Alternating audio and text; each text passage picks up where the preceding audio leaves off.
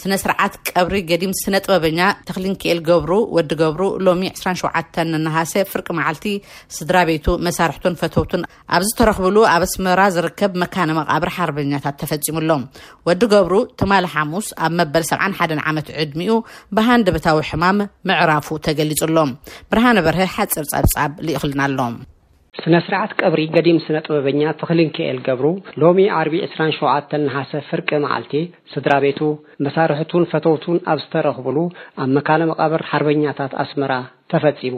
በሃር ስነ-ጥበበኛ ተኽልንኪኤል ገብሩ ካብ ኣቡኡ ገብሩ ወልድጋብር ካብ ወላዲቱ ደሃብ ገብረዮሃንስን ኣብ ሽሕን ትሽዓተ ሚእትን ሓምሳን ኣብ ዓዱ ኡናናላይ ንኡስ ዞባ ሰረጀቓ ዞባ ማእከል ተወሊዱ ኣብ ንኡስ ዕድሚኡ ወላዲኡ ብሞት ስለ ዝተፈለይዎ ዘኽቲሙ ትምህርቱ ኣብ ካልኣይ ክፍሊ ኣቋሪጹ ንነብሱን ወላዲቱን ክጠውር ስራሕ ከናዲ ናብ ኣቑርደት ኣምሪሑ።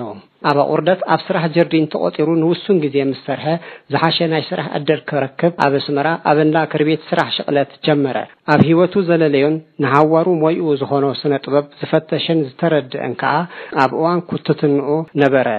ክራር መሊኹ ድምጹ ቃንዩ ኣብ ጓይላን ውራያትን ክጻወት ምስ ጀመረ ኣይጸንሐን ኣብቲ ናይ ሃዋሩ መጸዋዕታ ህይወቱ ዝኾነ ሞያ ስነ ጥበብ ጠሓለ።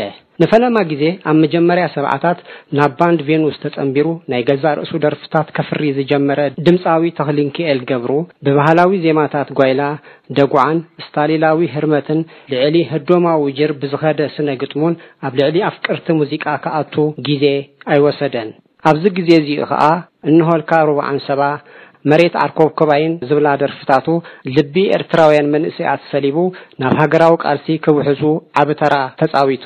ኣብ ሽሕን ትሽዓተ ሚእትን ሰብዓን ኣርባዕተን ነቲ ብደርፍታቱ ክሳተፎ ዝጸንሐ ሓርነታዊ ቃልሲ ብኣካል ንምጽንባር ናብ ተጋድሎ ሓርነት ኤርትራ ዝተሰለፈ ተኽልንኪኤል ገብሩ፣ ማዕረ ብልሒ ኣፈሙዙ ዝስራዕ ስነ ጥበብ ዓጢቑ ናብ ገድሊ ስለ ዝተጸንበረ፣ ወኒ ዝንቕንቕን ናይ ምግዳል መንፈስ ዝሰርጽን ወዳብን ጎስጓስን ስነ ጥበባዊ ስርሓት ኣፍርዩ። ተኽሊንኪኤል ገብሩ ብቃላቱ ምስልታት ዝስእል፣ ብዜምኡ ስምዒታት ዘዕርግ ድምጻዊ ብምንባሩ፣ ክሳብ ሕጂ ብግዜ ተፈቲኖም ዘይሃሱ ጽባቐ ዘንጸባርቑ ኣማኢት ደርፍታት ቅድሚ ሜዳን ኣብ ሜዳን ኣብ ስደትን ድሕሪ ናጽነትን ኣብ ኩሉ መድረኻት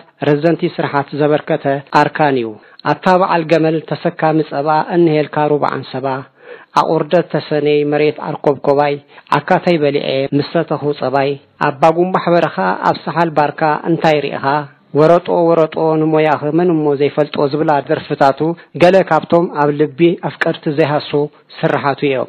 ነፍስሄር ገዲም ስነጥበበኛ ተኽሊንኪኤል ገብሩ ብሃንደበታዊ ሕማም'ዩ ሓሙስ ዕስራን ሽዱሽተን ነሓሰ ክልተ ሽሕን ዕስራን ሓደን ኣብ መበል ሰብዓን ሓደን ዓመቱ ካብዛ ዓለም ብሞት ተፈልዩ።